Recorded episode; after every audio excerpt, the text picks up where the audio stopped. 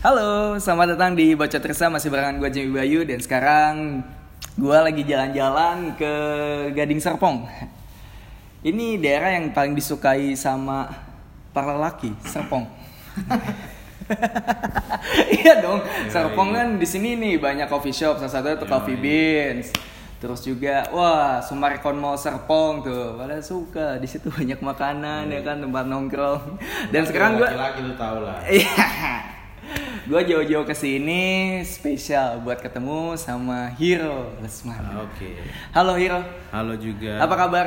Kabar baik. Kabar baik ya? Maya. Sekarang sibukan ngapain sih? Sekarang nih, kalau sekarang karena sekarang ya kan baru kelar nih eh, sam, sam- dari kompetisi nasional. Jadi kalau untuk kesibukan Hmm. sekarang sih masih membantu si Ardi Hmm? untuk persiapan ke lombanya nanti di Ah. bulan Mei. Mei ya, sebulan lagi ya? Tanggal 4 ya kalau nggak salah ya yes, mulainya. Yes, yes, yes, yes. Jadi ya sekarang sibuknya lagi itu aja. Iya iya. Ini pun gue sejujurnya terlalu malam nih, sorry. Oke. Macet banget tadi di jalan sampai akhirnya harus jam 9 dan di sini masih teman-teman dari itu Coffee Beans masih ngumpul Yes. untuk sambil latihan ya mungkin ya. Hmm, Atau kalau kita latihan di tempat lain sih, cuman oh, oke.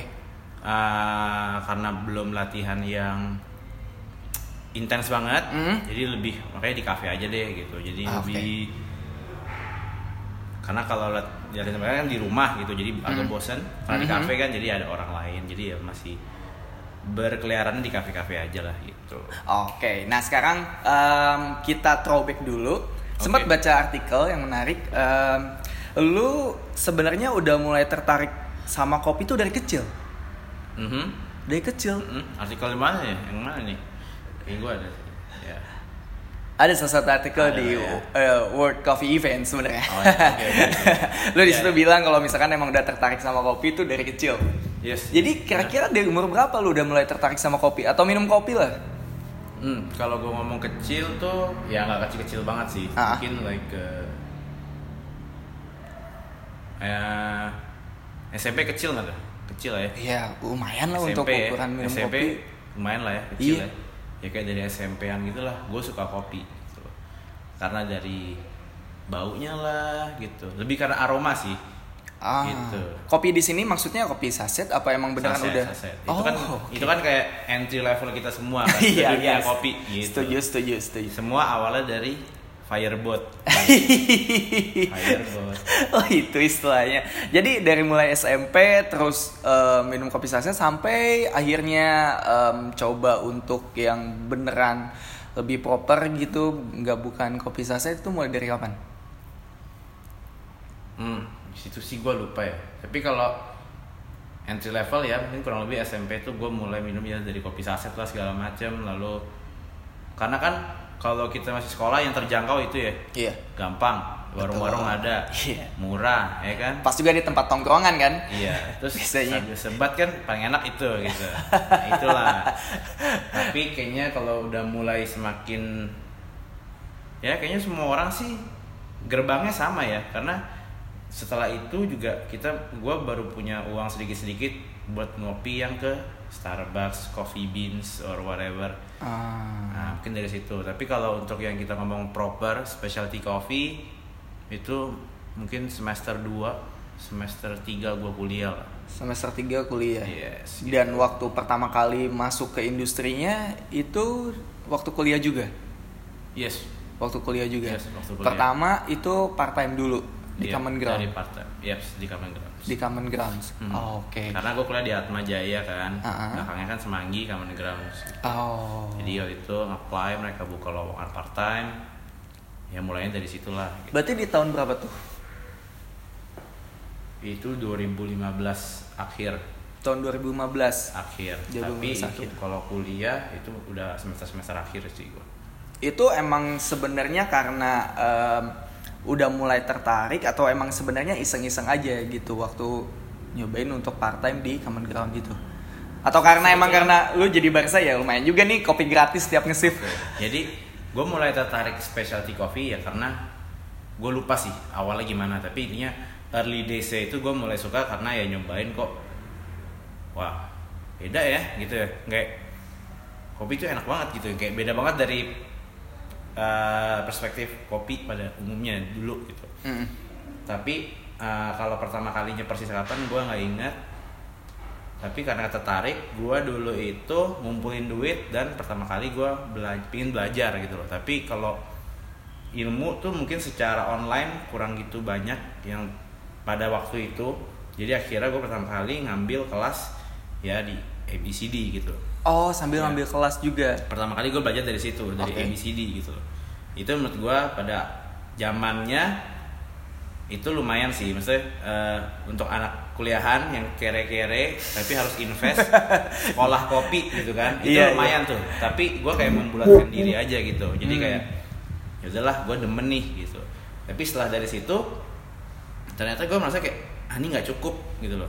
Malah bikin penasaran gitu loh dan gue merasa dari kelas yang gue pelajarin dari yang gue lihat ini kan banyak prakteknya gitu Mm, kan mm. bukan cuman dibaca ah, kelar gitu kan Betul. banyak Harus terus diasah dengan Iya, praktek ya. iya banyak uji cobanya turunnya gitu loh Hmm. nah di situ gue mikir apa gue sambil kerja part time ya gitu karena terus baik lagi ya kalau kita kerja part time kan secara langsung belajar lagi gitu Hmm. involve gitu Iya. terus kedua ya gue jadi ngopi gratis deh gitu ya kan ya udah dan gue kepikiran karena di belakang kampus gue adanya common grounds jadi ya di situlah Oke. Em, pada pada akhirnya lu sempat full time juga di Common Grounds. yes Apakah itu eh, sorry, maksud gua kan lu kuliah nih dan mungkin di waktu yang bersamaan eh, gak banyak lah orang yang emang beneran pengen menjadi seorang barista atau kerja di industri kopi gitu. Dengan background mungkin S1 lah atau mungkin bahkan S2 dan waktu itu lu sempat berpikiran kayak wah gue bisa hidup nih di industri ini. Atau kayak ya udah gue karena suka aja let it flow. Oke, jadi kalau pertamanya sih karena gue suka. Jadi kalau itu kan tadi kan motivasi gue cuma itu doang kan. ya Belajar lagi nih, nyoba-nyoba, bisa ngulik-ngulik, main-main, terus hmm. ngopi gratis juga, Iya. gitu kan. Jadi part time, nggak ada beban gitu. ya Sebetulnya yang lebih mem- apa ya, mengkokohkan gue pingin terjun di sini itu karena gue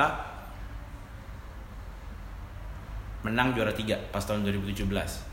oh Jadi itulah menurut gue yang titik balik yang kayak hmm ternyata specialty coffee ini segitu funnya dan ada ya gitu jenjang karirnya or bisa dilakuinnya banyak loh gitu loh not Mhm. just everyday going to work gitu tapi ada excitementnya gitu ada competition season lah ada ini ada itu dari situ gue jadi berasa yang kayak hmm, gue pengen full time nih gitu Ah. karena hari sense. lomba Hmm. tahun 2017 tuh lomba kan Kuningan City tuh. ya Itu gua lomba satu hari setelah gua sidang skripsi. satu hari setelah Satu sidang hari setelah gua sidang skripsi. jadi masih ada vibes vibes Masih, ini sidangnya ya.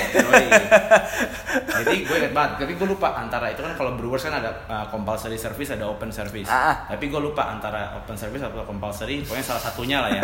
tapi itu gue satu hari setelah gue sidang. tapi enak juga dong maksudnya ya udah pecah telur yang satu lah Yoi. masih ada satu lagi Untungnya karena gue part time, jadi oh jadi nggak full time kan karena Hmm. gue masih part time jadi seminggu tuh cuman tiga atau dua kali shift gitu kan jadi sisanya seharian itu ya gue pagi sampai siang sampai sore itu latihan Hmm. di roastery common grounds gitu sore sampai malamnya ya udah ngerjain skripsi belajarin skripsi gitu Oke oke oke. Nah. Nah, k- kalau kita ngomongin soal kompetisi sendiri, gimana ceritanya seorang hero itu pada akhirnya memberanikan diri untuk terjun ke kompetisi? Itu emang inisiatif sendiri atau sebenarnya ditawarin? sebetulnya inisiatif sendiri Inisiatif Iya, sendiri. karena sebetulnya kalau uh, dari sisi company misalnya ya sebelumnya Hmm. gitu, dari sisi common grounds lah, let's say, karena karena gue kerjanya di situ gitu Hmm. loh, nggak mungkin lah, nggak mungkin gue yang ditawarin gitu loh, karena pertama gue kan anak part time, Oh iya juga iya sih. kan, Betul Gua betul. anak part time, siapa lu? Gitu loh. Iya, bisa Dan gua- itu juga. tuh kayaknya 2016 awal-awal deh kalau nggak salah lombanya atau pertengahan tahun lah Yang regionalnya, gue lupa deh kayaknya kayaknya regional ya kuningan city ya regional kun- atau nasional gue lupa Di lupa 2017 tuh yang lu juara tuh yang di ini kan, yang J Expo kan. oh berarti regionalnya kuningan city eh Regional sama si nasionalnya gak sih? oh nasionalnya di J Expo kayaknya regionalnya deh yang kuningan city Eh, J Expo tuh yang lu juara. Gua dateng. Enggak, kar- karena Iya. 2017 pun juga J Expo, gue ingat J Expo juga. J Expo juga emang ya? Iya. Oh, J Expo juga ya? Tapi yang kayaknya regional deh yang Kuningan City. Iya. Oh. Eh, ya, regional, regional Kuningan City, nasionalnya J Expo. J Expo Gitu. ya? Yes. Ah, Gitu. yang bareng sama FHT kan? Yes. Ya. Oke, Jadi oke, memang oke. 2017, 2018 tuh emang J Expo nasional. Oh, dua-duanya di J Expo ya? Iya. Oh, Oke, oke, oke. Terus terus Tadi sampai mana tuh? sampai yang lu part time dan Oke, ya mungkin kalau ya gue bukanlah gue bukan daftar nama yang bakal dipilih lah. Gue kan pertama part time bro. Terus Hmm. kedua ya anak baru juga, belum ada enam bulan mungkin kan. Oh, belum ada. Ya, dan part time gitu loh, bukan siapa-siapa kan gitu. Jadi memang kalau untuk kompetisi ya gue bukan di daftar nama itulah gitu. Mm. Cuman itu inisiatif sendiri dari gue karena gue merasa baik lagi tadi kalau gue udah sekolah kopi terus gue tertarik belajar lagi caranya gimana? Caranya kerja gitu kan. Mm-mm, betul. tapi setelah kerja gitu gitu gitu gitu gue merasa bosen. Mm. kerja gitu gitu aja gitu. Jadi gimana sih gue bisa belajar lagi nih gitu. Nah gue menemukan karena pada awal-awal pada awal, awal tahun 2016 itu gue pergi ke perlo- lomba gue nonton doang gitu loh. Mm-mm. dan gue merasa ada ya kayak gini seru juga gitu dan gue liat orangnya kayak jago-jago banget gitu loh. Gue nontonin Rian lah nontonin Randy. Eh keren-keren juga gitu loh. Kayak di tahun 2017 gue berasa gue berasa kalau gue punya kesempatan boleh nggak ya gitu. Akhirnya ya gue minta izin lah ke bos-bos gue dan ya puji Tuhan ternyata mereka yaudah lu boleh ikut tapi tunjukin aja gitu loh, lu bisa nggak latihan segala macem gitu. Hmm. kalau motivasi gue ikut lomba sih pertama ya karena gue bosen kerja doang dan gue pingin belajar gitu loh apa sih perlombaan rasanya gimana sih lomba terus ya pingin rasain aja sama ngetes diri sendiri gitu loh gitulah Iya, iya. Dan emang itu di situ juga ajang pengembangan diri lu juga ya? yes yes yes Oke. Dan di tahun 2018 kompetisi kedua lu, lu akhirnya bisa double winner di regional dan juga di nasional. Mhm. Persiapannya jauh lebih matang pasti dibanding 2017. Yes, Kira-kira jelas. berapa bulan tuh? Hmm. Dan gimana kasarnya berdarah-darahnya lu? Ah. Sebetulnya sih kalau 2000 jadi setelah 2017 selesai itu gue merasa ternyata kompetisi itu jadi kayak platform buat belajar Hmm. banyak banget. Jadi gue selalu merasa kompetisi itu setelah 2017 ini ya, gue selalu merasa kayak kompetisi itu adalah satu-satunya musim nih buat barista-barista atau buat orang-orang kopi gitu ya bisa belajar sebanyak-banyaknya tapi dengan tempo waktu yang sependek-pendek kayak gitu loh. Ah iya betul. Jadi kalau misalnya kayak kita kerja doang setahun, kayaknya tuh dengan lomba dua bulan gitu latihan itu ilmunya tuh kayak jauh lebih Iya, banyak iya, iya. karena kita ter- terdorong gitu loh harus Setuju. jadi gue harus belajar apa lagi nih mesti gini nyoba ini coba ini jadi kayak lu terdorong buat belajar gitu loh. Makanya gue merasa kayak gitu dari 2017 dan itu pun yang mendorong gue buat lomba lagi di 2018 karena gue mikirnya eh, karena kan kita setelah setelah lomba selalu ada debrief dari juri-juri gitu kan. Jadi kayak dibagiin score sheetnya dikasih tahu kekurangan kelebihan apa apa apa.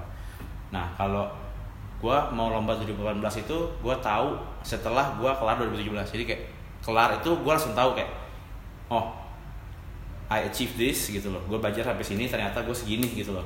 Oke so gue mau memperbaiki ini dan gue pengen lihat tahun depan gue bisa semana gitu loh. Oh. jadi kalau niatnya benar-benar niatnya tuh setelah kelar 2017 gue udah niat lagi.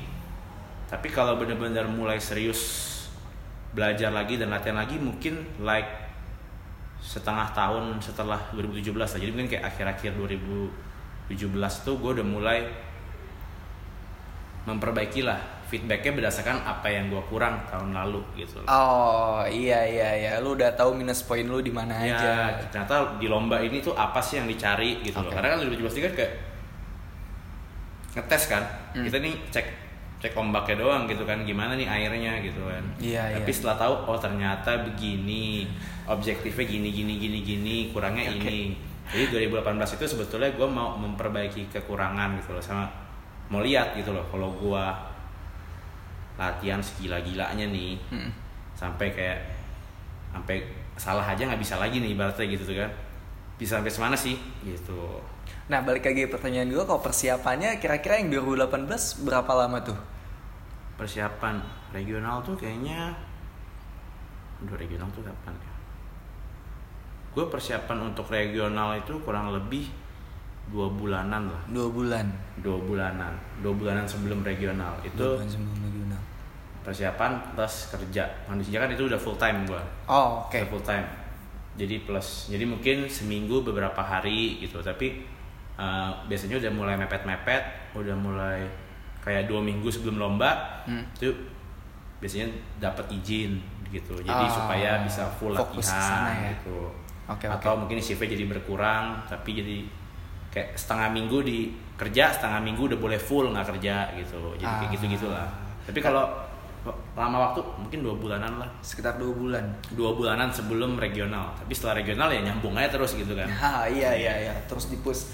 Um, dan untuk eh, di tahun 2018 kan akhirnya lu juara satu di nasional mewakili Indonesia ke Brazil sana. Nah ketika di Brazil sana gimana nih soal teknis lombanya? Maksudnya apakah sesuai dengan yang yang lu harapin? Secara Hmm. pribadi lu puas atau?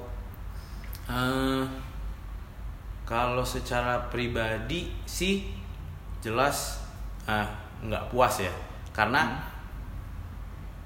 eh, nggak puasnya karena gini karena kita eh, gua nggak masuk atau nggak lolos karena tahu gitu loh gue bikin kesalahan gitu loh jadi ah, salahan? jadi iya jadi misalnya kayak kalau misalnya lu udah do your best gitu loh, Iya. tapi ternyata lu belum masuk artinya kan lu tahu ternyata others are better gitu Iya iya itu jadi, secara dia sendiri puas juga oke, gitu jadi ya. tahun depan gue harus push myself gitu Iya, iya. supaya bisa segitu gitu tapi kalau gue gue memang merasa gue melakukan kesalahan gitu loh. Sebetulnya kesalahannya nggak bisa dibilang yang terlalu teknikal atau gimana tapi gue merasa eh, apa ya lumayan fatal sih jadi kesalahannya itu sebetulnya kalau secara detailnya teknisnya eh, kalau di dalam brewers itu kan ada namanya compulsory service gitu Ah. di mana kita dikasih satu kantong binsus itu kayak blind test lah gitu jadi Hmm. kayak kita harus calibrate gitu kan resepinya dalam jangka waktu sekian gitu yang gua nggak perhitungkan itu adalah saat gua latihan tempatnya itu kan berbeda. Iya. tempatnya di backstage gitu tempatnya terang terus latihannya pun lama dan segala macem. Jadi well prepared dan udah yakin gitu loh. Oh resepinya ini oke lah rasanya bisa lah oke lah. Puas bisa maju siap gitu.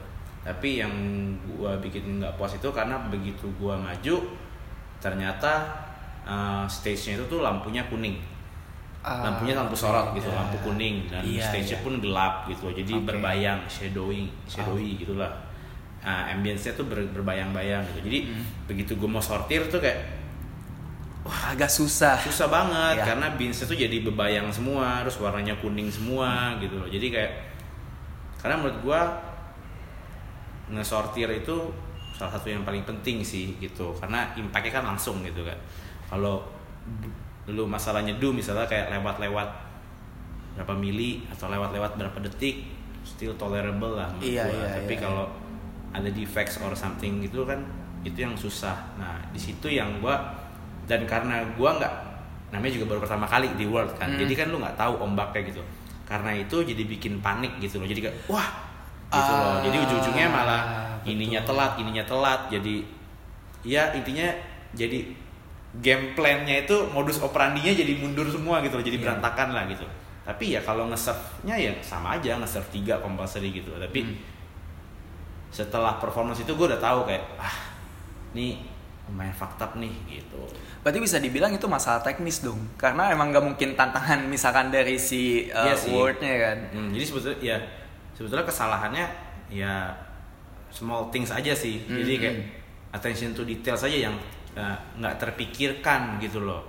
padahal setelah itu kayak gue inget banget gue setelah gue beberapa orang tuh kompetitor dari Korea gitu kan ternyata dia bawa tray traynya tuh ada lampunya gitu loh Oh. jadi gue langsung pas gue nonton kayak Gila. gila gitu loh ini small things yang gue gak Betul kepikiran gitu loh Dan itu diperbolehkan kan? itu nggak masalah gitu loh gue Wow. kayak ah wow. as simple as ternyata dia bawa nampan sendiri terus nampannya ada lampu LED-nya gitu jadi dia tinggal Nice. tuang cetek terang semua kan Iya. putih gitu loh nah itu small things yang Waduh. aduh gitu loh Betul-betul. ibaratnya sampai ya kan gemes gitu loh Iya, iya. gitu loh jadi kan tuh orang berarti udah berapa langkah dia lebih dari gua Gitu, kan jadi gitu. sebetulnya kalau pribadi ya kekecewaan personalnya di situ gitu loh ternyata kayak Hmm. gue pikir apa ya ya gitulah kayak Iya. up- ngenes gitu loh kayak nyes Ya cuman gitu doang padahal cuma Gitu. masalah perkara lampu Nah, doang. ternyata ya ternyata ya baik lagi itu jadi pelajaran aja kayak gitu. jadi ujung-ujungnya ya ternyata banyak hal-hal yang kecil yang kayaknya Itu lebih penting sebenarnya tapi ya. ternyata itu penting Betul, gitu betul. loh. Nah kalau misalkan ngomongin soal tekanan atau pressure nih buat kompetisinya sendiri antara level nasional dan juga level dunia gitu sebenarnya sama atau sebenarnya ada porsi yang berbeda untuk level tekanannya sendiri menurut lu ketika di tahun 2018? Hmm. Kalau tekanan ya. Gak jelas kalau di dulunya jelas ada tekanan lah gitu. Hmm. Tapi kalau di kalau gampangnya ya kalau di nasional gitu ya di Indonesia tekanan gue kan sama bos gue gitu loh. Ya kan ini duit bos gue nih. Iya, iya. Gitu kan tekanan gue bos gue gitu. Tapi kalau udah world itu kan tekanannya aduh ini udah bos gue, teman-teman gue semuanya gitu loh, bawa nama negara gitu kan. Betul. Karena kan gitu lomba ya kompetitor cuma 10 menit gitu kan. Sisanya mah udah nggak lomba 10 menit ya teman semua gitu kan Iya iya. gitu loh kalau pas kita di di world itu kan gue mewakili bos gue mewakili negara gue mewakili kompetitor-kompetitor lain yang teman-teman juga semua gitu kan. Jadi kayak menurut gue beratnya sih di situ sih. Dan beratnya apa ya kayak kesempatan untuk ke world itu menurut gue kan susah gitu loh. Kayak mungkin kalau di Indonesia bukan artinya menang gampang ya tapi maksudnya tahun depan kita bisa coba lagi di nasional gitu loh. Iya iya. Tapi kalau mau nyoba lagi di world itu kan tahun depan gue harus menang lagi di nasional Nah harus lewat itu terus dulu. harus ini lagi gitu Iya. loh sedangkan perkembangannya cepat banget gitu loh jadi ya gitulah kayak kayak tahun ini ya gue merasa kayak gue bisa dampingin Ardi ke uh, worldnya ya gue merasa bersyukur sih jadi kayak gue nggak lomba tapi gue bisa lihat nih dan belajar progresnya apa nih Mhm. setelah dari dua tahun ini gue nggak nggak ada gitu Dan yang menarik eh, di bio Instagram lu adalah ada ada medali emas 2020 as a coach. Oh iya. Sekarang yang pengen gue tanyain gimana perbedaannya antara lu menjadi eh, coach dan juga menjadi kompetitor. Sama-sama serunya atau Hmm. ternyata berbeda gitu. Malah jadi gergetan ah, pengen turun lagi nih gue nih. sebetulnya kalau ditulis sih nggak apa-apa sih menurut gua karena kan itu salah satu personal achievement yang harusnya kita banggain Oh iya iya, iya, kan? itu setuju setuju. Iya nggak? Maksudnya Iya iya paham. wah ini achievement dan Iya. boleh dibanggain gitu loh dan gua Jelas sombong tapi kayak seharusnya.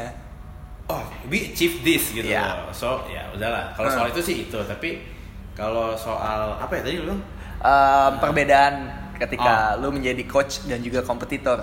Hmm, sebetulnya tahun 2019 itu memang karena gua lumayan dekat sama nah, Om Aang, Mhm. nah, bosnya Ardi. Jadi tahun 2019 itu kayak mereka sempat nanya-nanya gua lah gitu untuk regional dan segala macem gitu. Tapi uh, gua belum nggak bisa membantu mereka pada saat itu karena kan kondisinya gue juga baru mengundurkan diri dari Common Grounds gitu karena gue melanjut sekolah gitu kan Hmm. jadi kurang etikal lah kayaknya kalau misalnya kayak kutu loncat gitu kan. Iya.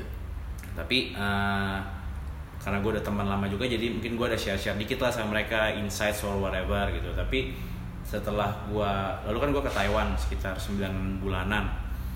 Nah di sana itu gue pingin lihat pro di sana tuh juga gue ngeliat progresnya lah.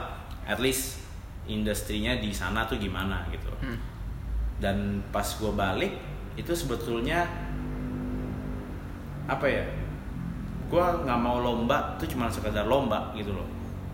Lomba lomba aja gitu. Bukan karena maksudnya kayak nggak ada motivasi yang Ya, karena buat gue lomba tuh personal ya gitu. Personal banget buat gue gitu loh. Oke, oke. jadi nggak gue nggak mau yang balik gue pingin lomba lagi nih gitu. Enggak Ah. tapi gue pingin lihat gue pingin involve in some ways gitu loh. Karena memang gue nggak ready buat lomba. Per satu gue nggak ready karena gue pulang abis pulang sekolah gitu kan. Mm. Gue emang nggak siap buat lomba dan gue di sana sekolah jadi so mungkin di saat seorang di sini bekerja dan akan Iya, and ngedalemin whatever, soal kopinya lu Iya. enggak gitu di Gue di sana kayak tertidur lah selama sembilan bulan itu gitu. kan. Tapi kenapa gue tertarik sama lomba? Karena kan apalagi setelah gue vakum gitu kan gue pengen lihat progresnya apa sih yang what's going on gitu kan. Nah begitu gue balik sini, nah dan lalu uh, dari itu Coffee Beans juga Bro gimana lu? Bantuin nggak Ardi nih? Kan tahun lalu nggak sempet orang nggak bisa gimana? Tahun ini berkenan nggak? Gitu. Ya gue sih merasa kayak wah ini kesempatan yang nggak bisa gue lewatin lah gitu. Mhm. kayak gue nggak mau lomba tapi ini ada kesempatan supaya gue kayak catch up up to date sama industrinya gitu. Jadi ya udah oke gas lah. Jadi ya di situlah gue memutuskan kenapa gue mau jadi coach supaya gue bisa apa yang gue tahu bisa gue bagi tapi gue bisa belajar juga Hmm, Gitu. Iya iya iya. Tapi kalau misalkan untuk secara perbedaan sebenarnya tegangnya teg- sama kah ketika lu masih di tahun 2018 sama sekarang? Terus juga untuk si waktu atau mungkin juga stamina dan lain sebagainya yang lu sisihin buat kompetisi apakah tetap sama atau malah lebih ketika lu jadi coach? Hmm. Eh. Sebetulnya kayaknya sih sama-sama aja sih bebannya sih. Sama-sama aja. Sama-sama aja sih. Karena jadi coach kan kayak aduh kayak lu tahu nih dia yang tanding gitu tapi lu nggak bisa ngapa-ngapain kan lu cuma ngeliat gitu loh Iya.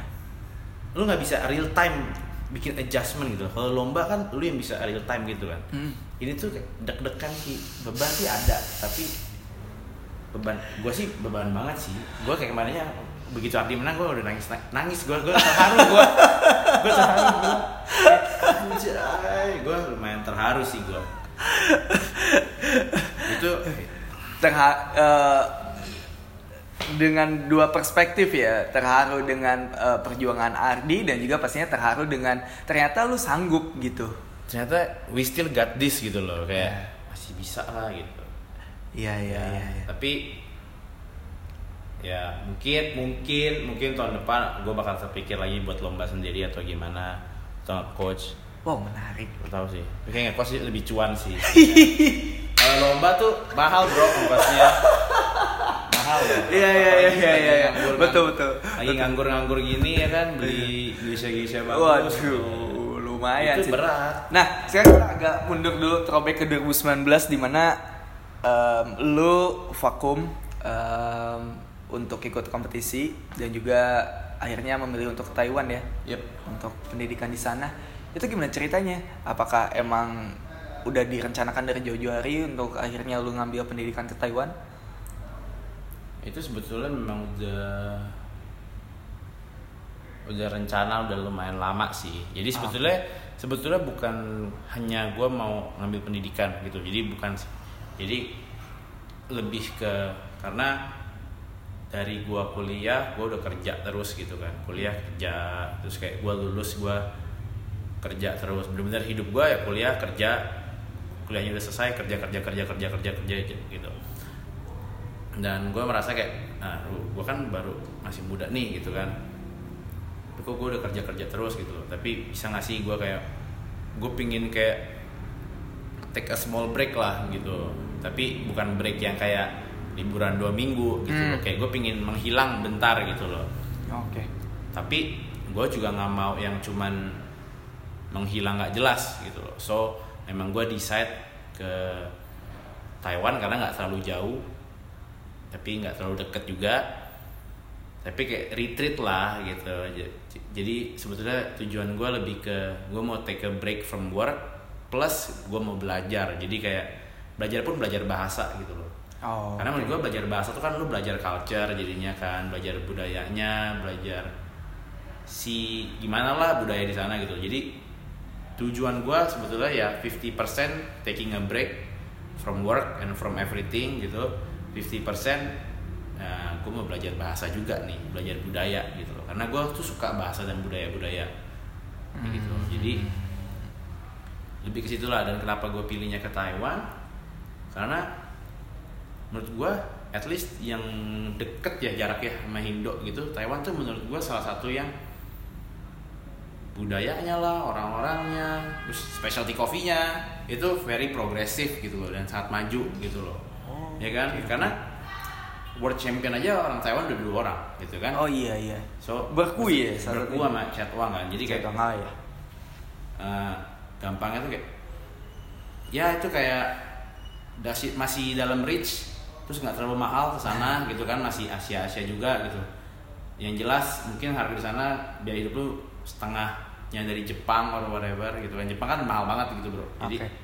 Iya, ya betul, 50% betul, betul. taking a break 50% taking school terus sisanya ya lebih ke gue ngopi-ngopi making friends here and there Ah. gitu see what's going on gitu lah tadinya plan gue sih sana. setahun tapi Oh. Eh, karena sekolah bahasa itu kan per tiga bulan tiga bulan tiga bulan. Tapi setelah kayak udah bulan ke 8 gitu gue udah mulai bosen sih. Jadi kayak kayak lumayan cukup sih. Kayaknya udah saatnya gue pulang gitu lah. Jadi ya udah. Oh, jadi gue memutuskan se- 9 bulan gue pulang kemarin November Jadi emang oh gua kirain tuh lu waktu balik lagi ke Indo itu take a break aja gitu ntar balik lagi ke Taiwan tapi enggak ya for good Enggak. udah sekolah bahasa sekolah bahasa resmi gitu Ah. dari pemerintah gitu cuman karena cuman bahasa Iya. mereka course per tiga bulan Per tiga so bulan. kalau gue melanjutin lagi another three months which is kelarnya ya Februari kemarin baru kelar gitu Hmm, hmm, hmm, hmm. so ya udah gue balik and then ada opportunity untuk coaching and whatever ini ya flow-nya gitulah Oke, dan sekarang kan seperti yang gue lihat kesibukan lo lebih ke coaching sekarang karena emang kan sebulan lagi uh, Hmm. Ardi bakalan uh, di level yang di level dunia di World Tours Cup nanti. Mm-mm. Terus untuk ke depannya ini apakah lu bakalan ngebar lagi atau ya udah lu ngejalanin si no brand itu? Kan Oh. sekarang lagi sibuk no brand juga kan? ya itu bisnis kecil-kecilan gue lah lumayan tuh online shop gue itu Iya iya iya.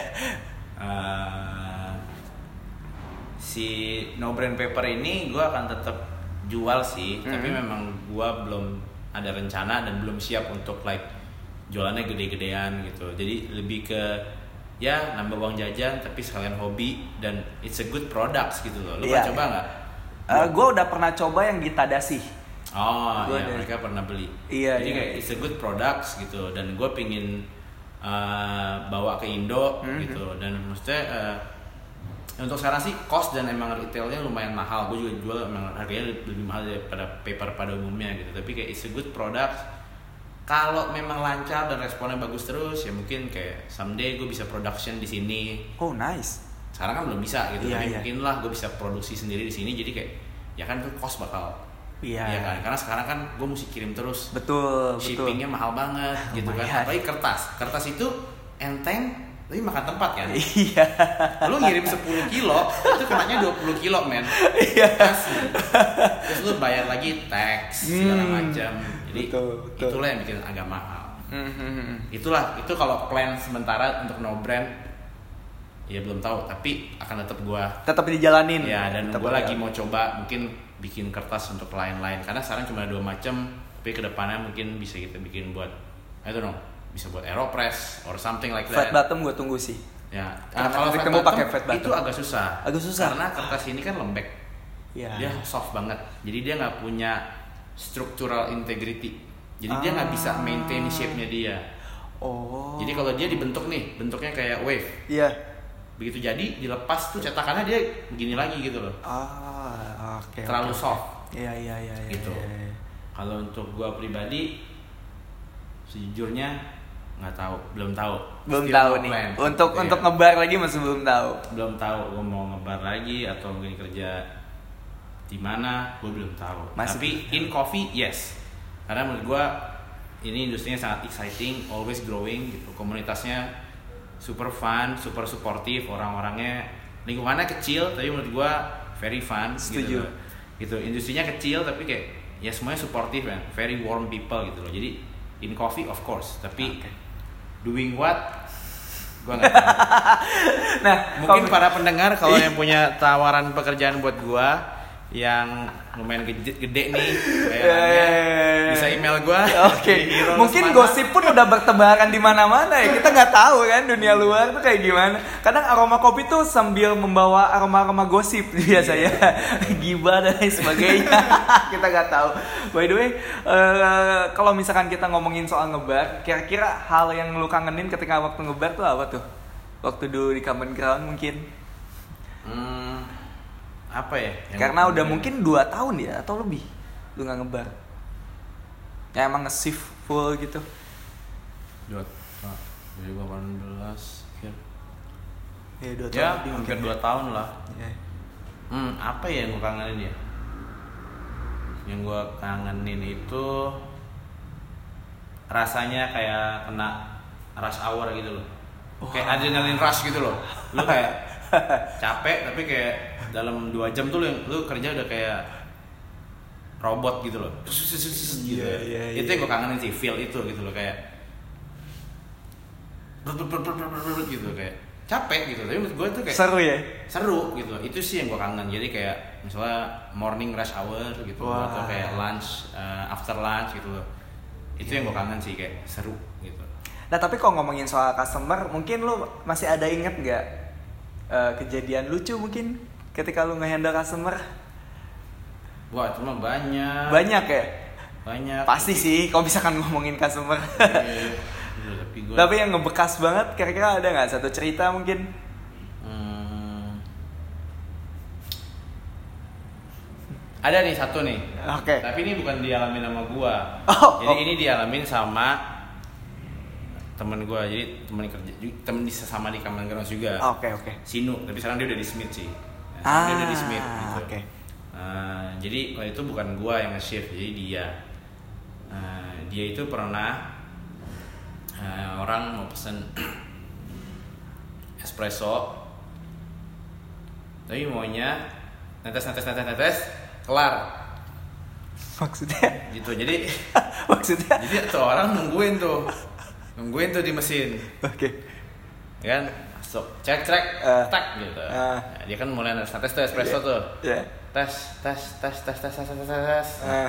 lagi tes tes tes gitu dia kayak stop mas stop stop stop gitu stop stop stop udah lah lah ya kalau menurut dia itu tuh sari-sarinya semua tuh di situ Oh. gitu itu menurut dia sari-sarinya semua di situ Oke, oke. itu flavorful gitu. Ah, menarik juga ya. sih pas denger boleh lah Iya, iya, iya, menarik, Ini menarik. menarik. SCA diploma nih kayaknya orang nih aduh Iya, iya, iya, expert ini. kalau kalau gue sendiri yang paling gue inget ah gue baru inget kalau case gue sendiri paling gue inget kan gue jaga tuh di Common Grounds PIM Hmm, jadi tuh daerahnya kan selatan banget tuh hmm.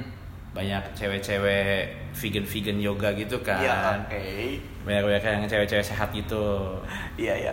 jadi satu hari itu sebelum lunch lah sebelum lunch time itu ada kayak satu cewek muda oke lah Ah, Oke. lumayan cakep Oke. gitu Sendiri nih. sendiri bodinya fit gitu kan Oke. Bah, pakai sports bra pakai legging Iya. bah ini banget ya, pokoknya memperhatikan kesehatan banget nih kayaknya Hmm, nih Iya, iya, iya. vegan wah, wah, yoga nih gitu terus dia pesen just regular satu long black gitu loh berarti kan wah ini juga eh, nggak pakai susu gitu kan. terus Iya, iya. black coffee Wah. mungkin mau habis ini mau yoga segala macem gitu kan. Ah pokoknya keren lah ini kayaknya nih keren gitu. Ya kan? Setelah beberapa menit gitu komen lah dia. Oke. katanya nih kopinya basi. Oh, Ya, kopinya nih basi gitu oh iya Ka- ka- pasti. karena kebetulan kan gue pagi gua gitu. Jadi Ya. lagi ada gua gitu. Ya, oke. jadi mostly shift gua pagi. Jadi kebetulan gua jadi kayak dia nih basi gitu. Gua sih bingung basinya gimana gitu kan. Kita juga ya kita grind pool gitu kan. Ya fresh gitu dong. Oke, oke. jadi gue nggak kebayang bassnya di mana. Iya, betul. terus menurut dia karena asem banget gitu. Sebetulnya ini sih menurut gue classic shit sih jadi kayak Iya, classic iya. problems lah as- ah, asem gitu Iya, iya, iya. cuman kebetulan hmm, kalau pas di common di common grounds itu memang blend yang untuk espressonya itu memang cenderung uh, sedikit eh, memang cenderung lebih asidik Hmm. karena isinya kayak Ethiopia natural sama Ethiopia wash Mhm. jadi kayak memang asidik gitulah Hmm. Tapi menurut gua sih asidik yang asidik aja gitu Hmm. nggak yang terlalu sharp or whatever. Karena kan gue yang dial in juga paginya calibrate menurut dia asem banget Oke. gitu. Dan ini basi. Oke. gitu. Gua sih bingung kan awalnya. Iya, terus ini kak. Gitu kan. Gue bilang sih nggak basi kak. Ini memang ya memang blendnya begini kopinya gitu kan. Dasarnya arabica. Langsung dipotong tuh gue Oh, oke. "Eh, jangan ngajarin saya Oh, apa gue siap. Gue ah ya gue bilang eh maaf lagi deh gue Iya. gitu kan karena kan gue cuma mencoba jelasin yang baik nih jangan ngajarin saya oh siap Ah, gitu. Oke, oke, oke, oke, oke. terus. Wih, gue bilang ya gue minta maaf gitu ya udah deh saya bikinin baru lagi aja apa gimana Hmm. nggak mau dia karena menurut dia dia udah lama di Aussie katanya Ah. kopi tuh enak long black tuh enak dia bilang segala macam gitu loh Oh, ini tuh asem basi dia bilang gitu ya udahlah untuk menutup per- untuk menutup pertemuan itu gue menawarkan ya udah deh mohon maaf kalau misalnya memang nggak suka atau nggak puas sama kopinya ya udah gitu loh.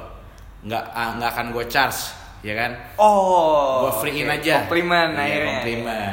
Makin marah. Hah? Katanya kamu pikir saya nggak mampu bayar Ya Allah, Gitu. mampus lu ngadepin cewek ya lagi PMS kali ya kan berantem sama cowoknya lu yang kena dampak. kamu pikir saya nggak mampu bayar oh, ya maaf kak gitu gitu jadinya lalu dengan kayak gitu dia langsung ngambil gym bagnya dia Oke. ngelempar 50.000 ribu cabut Ah, pengalaman, Jadi- pengalamannya menarik. ya udahlah gitu dulu sih gua awal-awal kerja masih lumayan karena kesel sih Iya, iya. tapi lama-lama gue kayak udahlah Iya. kayak lebih apa ya kayak ngelatih kesabaran gitu loh jadi gue kayak maaf hmm, Hmm. Melatih, ya iya, udahlah, iya, let iya. go, Tapi itu nggak nggak berlanjut ke ini kan? Apa sih review-review online dan lain sebagainya? nah kayaknya sih nggak harusnya Oh, karena enggak. kan bos gue mantau sosmed segala macam kan Iya, iya. harusnya sih enggak tapi kalau pengalaman gue paling berkesan ya dua cerita itulah Dua cerita itu, Dua ya emang itu yang terakhir apalagi berkesan sekali itu, berkesan Iya. sekali. Ya. ya udah maaf aja disingkat terus gila Emang laki selalu salah, salah gitu. di situ di posisi lu. Oke, buat yang terakhir mungkin em, sebenarnya ada satu hal. Mungkin buat sekarang tuh memang masih banyak nih barista yang pada ujung-ujungnya tetap untuk pengen jadi champ, ikut Mhm. kompetisi dan lain sebagainya. Nah, kalau misalkan saran lu untuk menjadi seorang champ atau untuk barista yang pengen ikut kompetisi, sebenarnya apa aja yang harus dibutuhin? Oke, ini pertanyaan yang lumayan sering. Dan menurut gua, ini kasusnya buat gua ya. Jadi Iya. kayak personally dari gua, kalau menurut gua jangan selalu. Yang pertama, eh, lu mau lomba tuh, maksudnya eh, gini. Yang pertama, kalau lu punya kesempatan, pergilah lomba gitu loh. Karena it's a good way to improve yourself Hmm. and then it's a good way to make a lot of friends Hmm. gitu kan yang kedua kalau mau lomba eh, harus datang dari diri sendiri lah gitu jadi jangan karena disuruh teman atau karena peer pressure atau dorongan dari bos lu atau gimana jadi lebih ke karena dari diri sendiri Oke. so apa sih yang mau lu achieve gitu loh itu yang pertama yang kedua jangan apa ya jangan maunya menang maksud gue maksudnya kayak Hmm. gue maunya menang gitu loh gue maunya champion mau jadi champion gitu loh like Ya, berarti a- itu tuh bukan tujuan gitu. Ya. Jangan jadiin itu tujuan. ya like a champion's dream gitu loh gue mau jadi champion gitu Ah. gue mau jadi Michael Jasin gitu. Iya. sorry ya Mik. Jadi ini maksudnya- semua kan pengen jadi mie. iya, bukan kayak bu- mau jadi champions dream gitu loh. Enggak gitu Se- itu tuh result aja gitu loh. Itu tuh is a result gitu loh. Harusnya tujuan lu ya trust the process gitu loh. Lu mau belajar lu mau what you wanna do gitu loh. Menang atau nggak menang tuh menurut gua itu resultnya. Oke. kalau lu menang ya pat yourself you're doing good. Stay humble do what you do best gitu. Share ke orang-orang tetap belajar. Kalau lu nggak kalah eh, lu nggak merasa pressure gitu. Lu nggak depresi or whatever gitu. Loh. Mhm. kalau lu kalah ya udah. Artinya next year I need to do better gitu. Loh gue harus belajar lebih gitu. Jadi jangan terlalu obsesif terlalu maunya menang gitu loh. Hmm. karena menurut gua di saat lu maunya menang begitu lu nggak menang lu kalah tuh banyak banget Iya. gitu gua ngomong sejujurnya tahun 2018 itu gua lomba itu karena gue cuma mau perbaiki kesalahan gua di 2017 dan setelah itu memang gua mau resign dan sekolah kan Iya, jadi iya. ketahuan gitu loh motif gue memang ya udah this is my last competition I wanna see Ah. karena gue gue ke Taiwan itu mundur loh bro jadi sebetulnya gue harusnya lebih cepat gitu loh Ternyata keputusan untuk ke Taiwan itu sebelum Memang lu ikut udah- kompetisi. Iya, memang Ah. udah udah ada plan gitu. Oh gitu begitu. Iya, iya. Jadi memang uh, lomba nasional, gue mau lihat uh, hasil gue perbaiki tahun lalu, what I do, apa sih resultnya gitu loh. Jadi memang gak ada tujuan buat like goalnya tuh gue hero harus nomor satu gitu loh. Iya. It's a process gitu loh, gue belajar winning or losing doesn't matter gitu loh. Toh dari kompetisi without competition gue nggak akan kenal semua orang yang gue tahu sekarang. Gue nggak akan kenal orang-orang dari roster barista friends whatever. Semua pun itu gue gak akan kenal without competition. So dari menurut gue that's the real price for me. Iya. friends connection itu the, the real price for me. Betul, gitu betul, loh. betul, betul. trophy is just a bonus gitu. Yes. jadi out I I won gitu loh. Jadi makanya itu dia plan gue akhirnya ke postpone ke Taiwan itu gue mundur setengah tahun Wow. karena kan setelah itu kan prepare yang ke Brazil yang Iya, Oktober kan jadi itu jadi menurut gue pesannya sih yang pertama yang tadi yang kedua jangan mau menang sih karena Hmm. karena kalau lu nggak mau menang apa pun yang lu dapat it's already like a price for you gitu loh Iya, iya. Iya kan? Wow. Wow. Wow. Menarik, menarik, menarik, menarik, menarik. Oke, cukup untuk sesi yang pertama. Kita lanjut ke sesi selanjutnya. Jangan ke mana-mana, tetap di Budget Trista.